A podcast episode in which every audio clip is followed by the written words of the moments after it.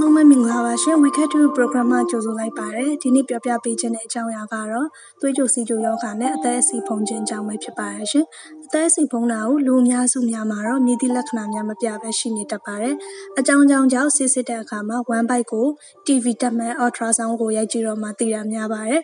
ပိုပြီးတိတိကျကျသိချင်တော့ one byte အတွင်းရှိအသေးကိုကွန်ပျူတာတက်မှန် CT scan ဖြင့်စစ်ဆေးကြည့်ရင်ပိုကောင်းပါတယ်နော်အသေးရဲ့ပုံရိပ်က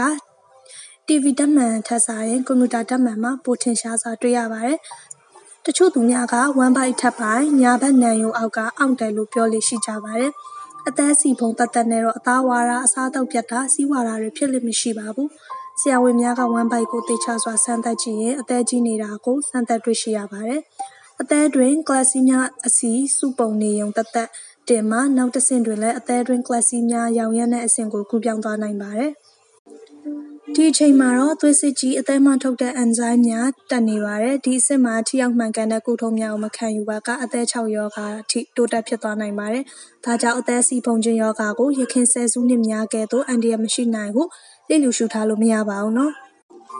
သွေးကြိုစီးကြိုယောဂရှိတဲ့သူတိုင်းအဝလွန်သူတိုင်းမှာအသက်အဆီဖုန်ခြင်းယောဂရှိမရှိကိုရှာဖွေချီတင်တဲ့ကဲ့သို့ထိအောင်မှန်ကန်တဲ့ကုထုံးများကိုလည်းခံယူသင့်ပါတယ်။အသက်အဆီဖုန်ယောဂကိုမြည်သူကုသနိုင်ပါသလဲဆိုရင်တော့အရေးကြီးဆုံးကတက်ကြွနားလာတဲ့ဆရာဝန်များနဲ့ပြသပြီးစစ်ဆေးမှုပြုလုပ်ပြီးတော့ကုသမှုခံယူသင့်ပါတယ်။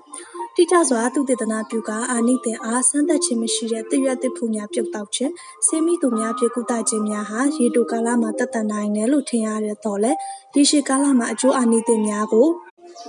များစွာဆိုရင်ပွဲတန်တဲ့ရှိပွဲဖြစ်နိုင်ပါတယ်အသက်စီဖုံးပြီးအဝလွန်နေသူများကကိုယ်လေးချိန်ကိုရှော့ချရန်စူးစမ်းတင်ပါတယ်နော်